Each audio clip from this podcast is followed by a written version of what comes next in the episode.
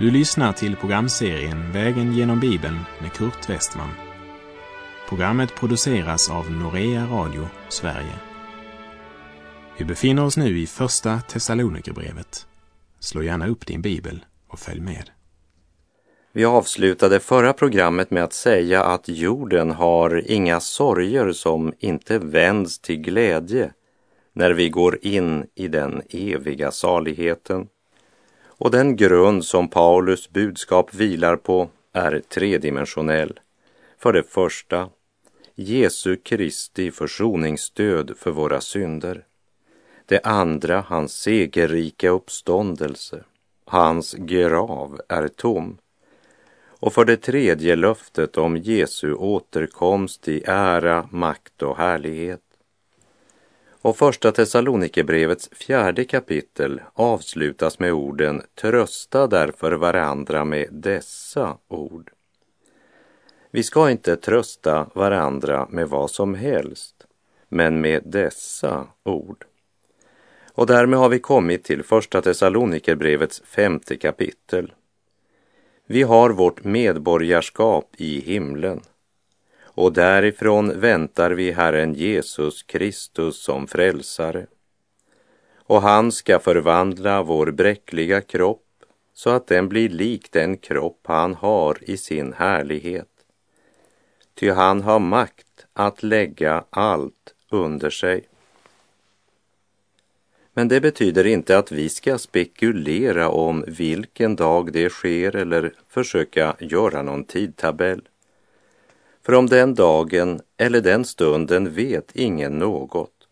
Inte himlens änglar, inte ens sonen, ingen utom Fadern, säger Jesus själv i Matteus 24.36. När vi nu kommer till första Thessalonikerbrevets sista kapitel så ser vi hur Guds barn ska handla och förhålla sig i relation till Jesu återkomst. Som du kanske minns från vår vandring genom första Thessalonikerbrevets första kapitel så såg vi där en kristens hållning inför Jesu återkomst. Här i kapitel 5 talar det om hur en kristen ska handla inför Jesu återkomst. Alltså den praktiska konsekvensen i vardagen, här och nu. Kapitel 1 talade alltså om en kristens hållning och den hållning som inte leder till handling är inte tro utan bara kunskap.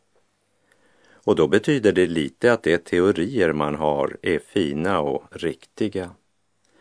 Tron på Kristus och vissheten om hans återkomst är ett levande hopp som leder till konkret handling. Första Thessalonikerbrevet 5 handlar om att hålla sig vaken inför Jesu återkomst. Att mitt i denna syndens värld och Gud hånas och allt heligt blir trampat ner, ändå leva i ljuset. Precis som Jesu liknelse i Lukas 18 om änkan och domaren, där Jesus talar om hur ett liv i tro ska överleva i en tid där allt runt omkring oss försöker kväva vår tro, så är det det som är något av tonen även här i Första Thessalonikerbrevets femte kapitel. Därför är det här kapitlet mycket relevant i vår tid.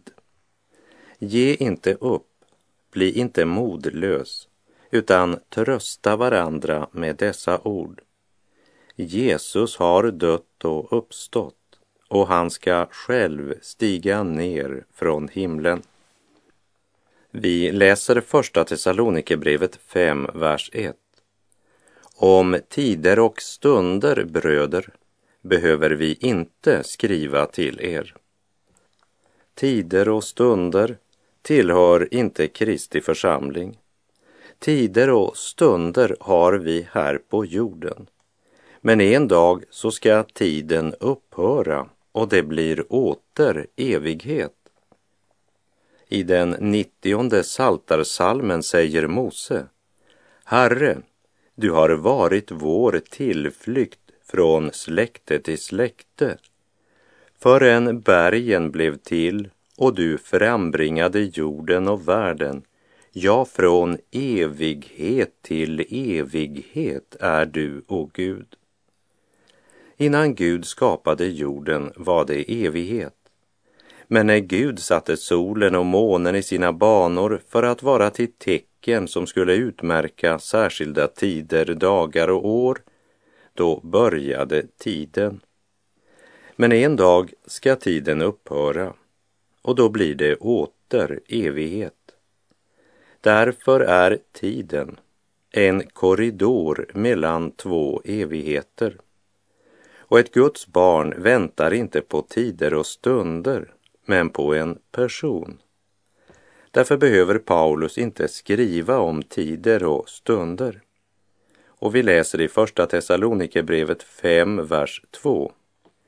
Ni vet själva mycket väl att Herrens dag kommer som en tjuv om natten. Herrens dag talar om Guds slutliga suveräna ingripande när han ska förlossa sitt folk och upprätta sitt rike. En dag då Satan får sitt slutliga och avgörande nederlag och Guds rike träder fram i all sin glans och härlighet. Men för ett Guds barn kommer inte dagen överraskande som en tjuv om natten. Det kan vi se av vers 4 där Paulus säger Men ni bröder lever inte i mörker så att den dagen kan överraska er som en tjuv. Så Herren Jesus kommer inte till Guds församling som en tjuv. Men för den som inte bara lever i världen men också av världen så kommer han som en tjuv. Överraskningen blir total. Den som lever i synd och tjänar de onda makter är nattens slav. Och natten illustrerar rädsla, felslagna förhoppningar, ångest och mörker. Medan dagen illustrerar hopp och ljus, glädje, liv och en underbar evig seger. Men för den värld som vänt Gud ryggen och har sin glädje i synden och orättfärdigheten så kommer Herrens dag verkligen som en tjuv. För de har inte sin glädje och tröst i Guds ord. De har valt den falska trösten och med den bedrar de sig själva helt tills de möter den stora överraskningen. Vi läser första Thessalonikerbrevet 5, vers 3. När folk säger fred och trygghet, då drabbas de av undergång, lika plötsligt som smärtan kommer över en kvinna som ska föda, och det slipper inte undan. Vi lägger märke till skillnaden mellan det han säger till sina trossyskon i Thessalonika. För till dem är det inte nödvändigt att skriva om tider och stunder, för de vet att Herrens dag kommer som en tjuv över alla dem som bygger sitt liv på en falsk trygghet. Men det vet inte de som lever i syndens mörker de har inget ljus över Guds barn och deras härliga och löftesrika framtid. De har inte heller något ljus över sitt eget framtidsperspektiv. Därför kommer undergången plötsligt och överraskande. Och i Hesekiel 30, vers 3 står det, ty dagen är nära, Herrens dag är nära. En molnhöljd dag är det. Hedna folkens stund är inne. Och för det ogudaktiga kommer Herren som en tjuv om natten, oväntat, plötsligt och ofrånkomligt.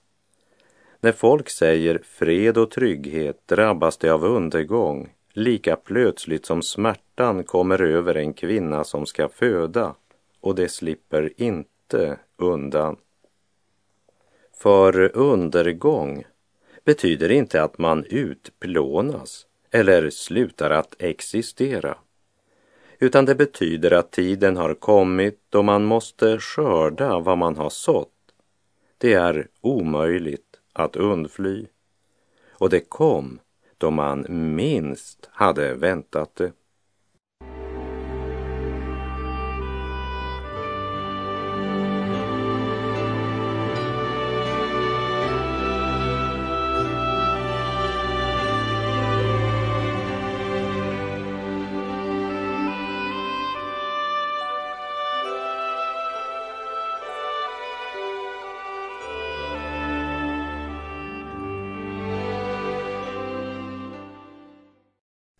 Vi läser första Thessalonikerbrevet 5, vers 4 och 5.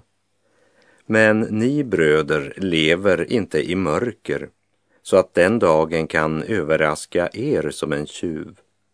Ni är alla ljusets barn och dagens barn. Vi tillhör inte natten eller mörkret.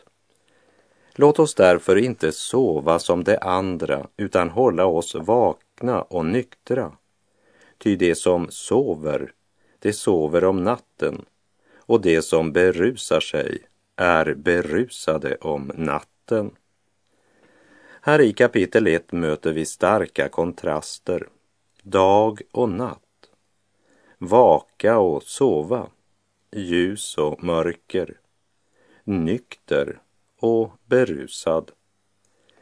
Natten talar om syndens makt och andlig blindhet, om död och om att för evigt förlora sin själ. Och orden det som berusar sig talar inte bara om alkohol och vad som sker när kroppen berusas, för det finns också andra saker som kan berusa människans tankar. Någon är som drucken i sin jakt efter makt och inflytande. Andra har fyllt sitt sinne med tanken på pengar och rikedom. Andra låter sig berusas av nöjen och njutning. Men det finns också något som kallas för andlig beruselse. Och då tänker jag inte på andlig hänryckning eller att bli fylld av anden som är en del av ett sunt Kristusliv. Och denna världen förstår sig inte på Andens verk i det troendes liv. Därför var det också många som på pingstdagen hånfullt sa om lärjungarna, de har druckit sig fulla av sött vin. Men det hade de inte. De hade fått erfara Faderns löfte om kraft ifrån höjden uppfyllas i deras liv. Så det är inte det jag siktar till när jag talar om andlig beruselse. Men jag tänker på alla dessa som i sin jakt på andliga upplevelser blir mera upptagna av upplevelsen än av Kristus och hamnar därför lätt i upplevelsesträldom och under andligt sken blir de fångade i fariseismens självrättfärdighet och gör sig märkvärdiga i kraft av sina så kallade andliga upplevelser. Och som ett resultat av deras ord och av deras uppträdande så går tusentals bröder och systrar omkring fullständigt desillusionerade och besvikna utan att få någon verklig hjälp. Därför varnar jag också för andlig berusning.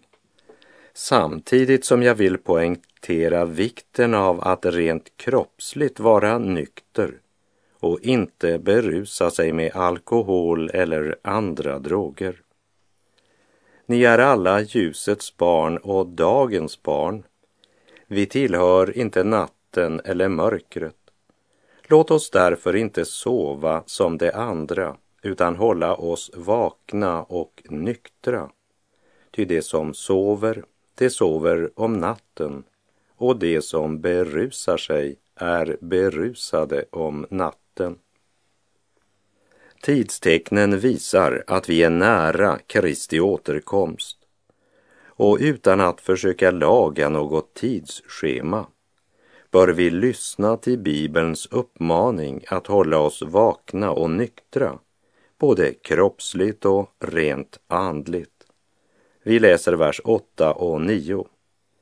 Men vi som hör dagen till, låt oss vara nyktra, iförda tron och kärleken som pansar och hoppet om frälsning som hjälm. Ty Gud har inte bestämt oss till att drabbas av vredesdomen, utan till att vinna frälsning genom vår Herre Jesus Kristus. Till det nyktra livet hör alltså att vara iförd tron och kärleken som pansar och hoppet om frälsning som hjälm. En sund förkunnelse av Andens fullhet hjälper oss till ett rikare liv med Jesus. Vi hör dagen till, det vill säga vi lever i ljuset. Frälsningen är ett Guds verk, både när det gäller Guds sons gärning för oss på korset och den helige Andes gärning i oss. Men vi har ett ansvar att leva i ljuset. Ty Gud har inte bestämt oss till att drabbas av vredesdomen utan till att vinna frälsning genom vår Herre Jesus Kristus. Tron, kärleken och hoppet möter oss i Första Thessalonikerbrevet 5.8. Och det har varit genomgångstonen helt från brevets början. I Första Thessalonikerbrevet 1.23 skrev Paulus vi tackar alltid Gud för er alla när vi nämner er i våra böner. Ty inför vår Gud och Fader tänker vi ständigt på er gärning i tron, ert arbete i kärleken och er uthållighet i hoppet till vår Herre Jesus Kristus. Det troende har en gärning i tron att utföra ett arbete i kärlek och de är uthålliga i hoppet till Herren Jesus Kristus.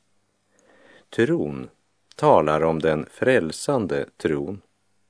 Calvin sa, tron alena frälsar, men den frälsande tron är aldrig alena.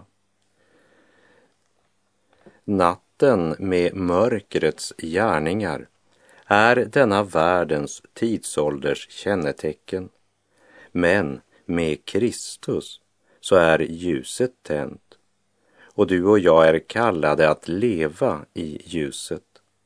Vi läser första Thessalonikerbrevet 5.9. Ty Gud har inte bestämt oss till att drabbas av vredesdomen utan till att vinna frälsning genom vår Herre Jesus Kristus.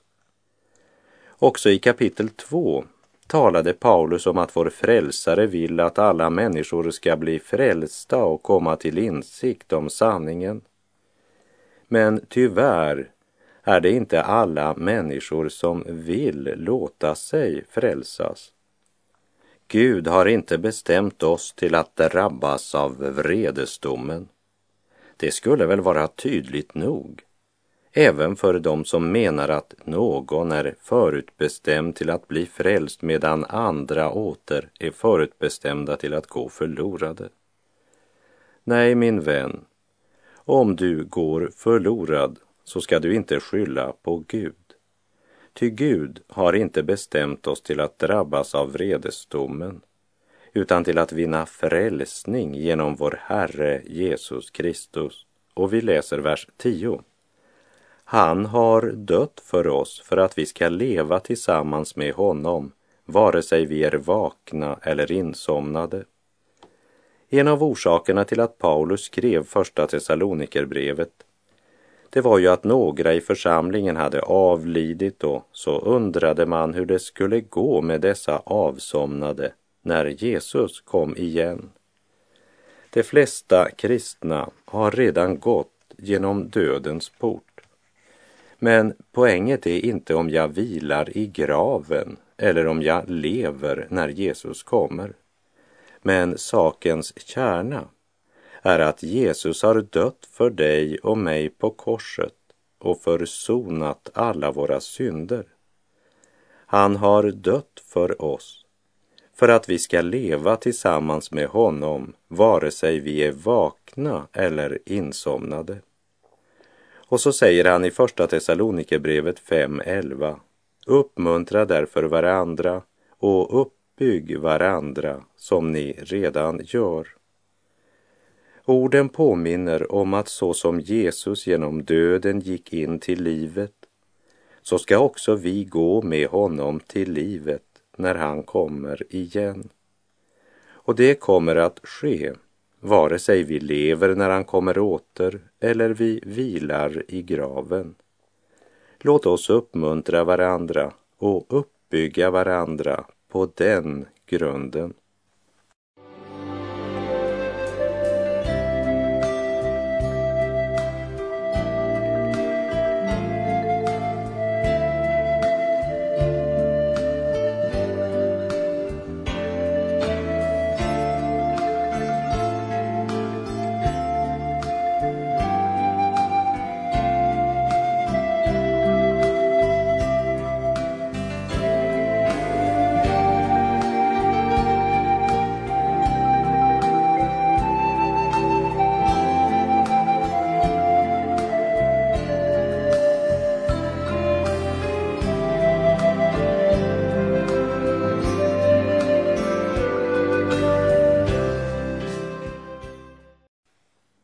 Vi läser första Thessalonikerbrevet 5.11.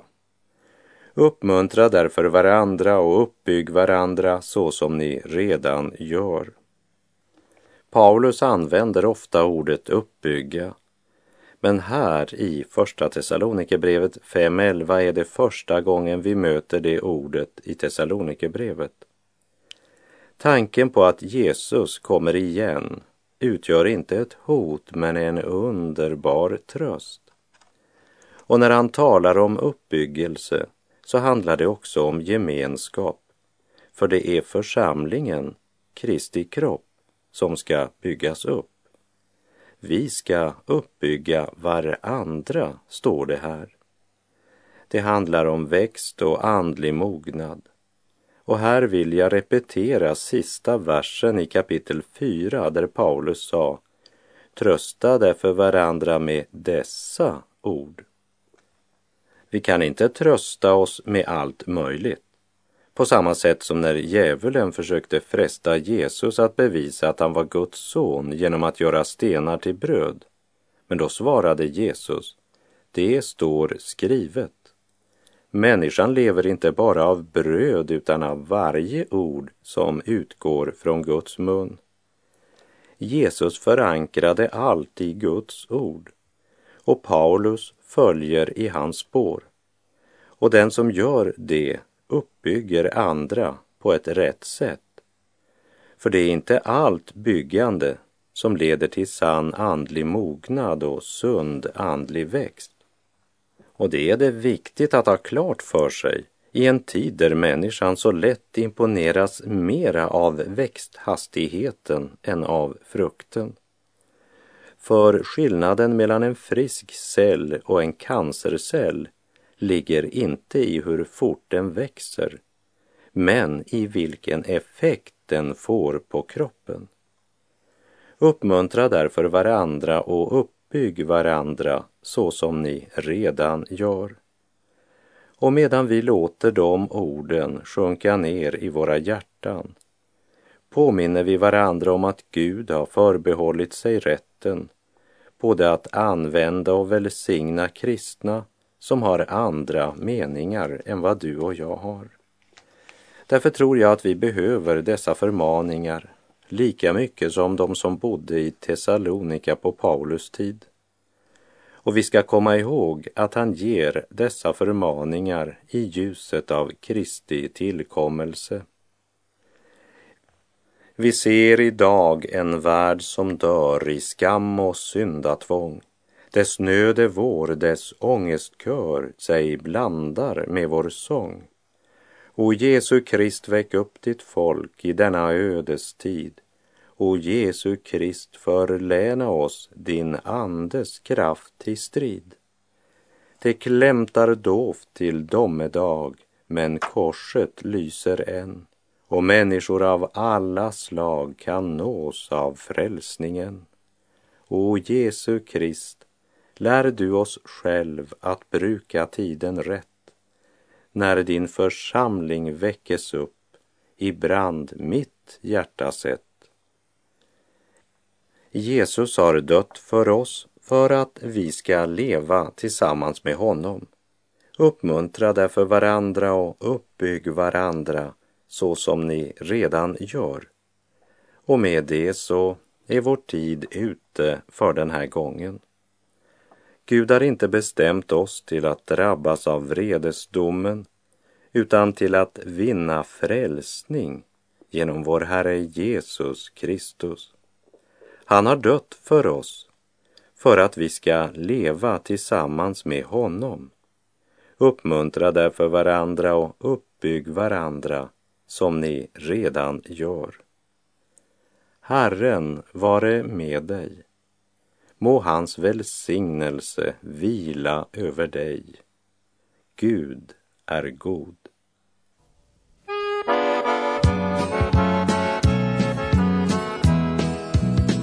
Det gryr mot dag och natten snart är om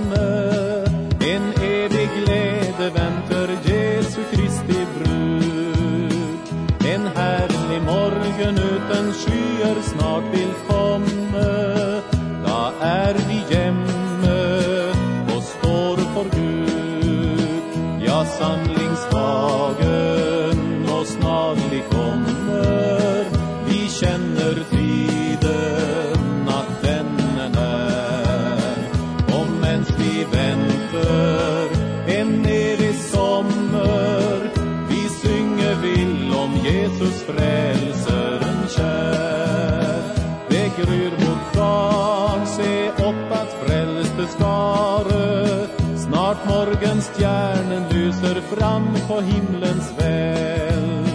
Fra trängselsnatten igen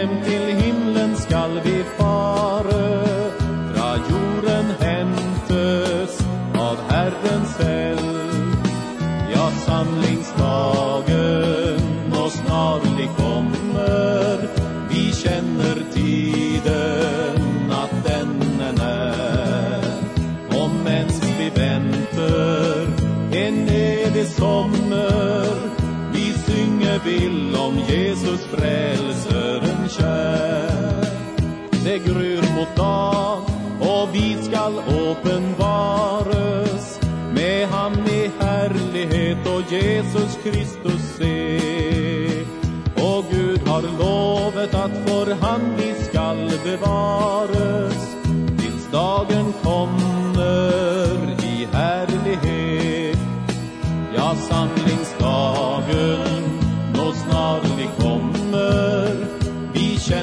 tiden natten är när.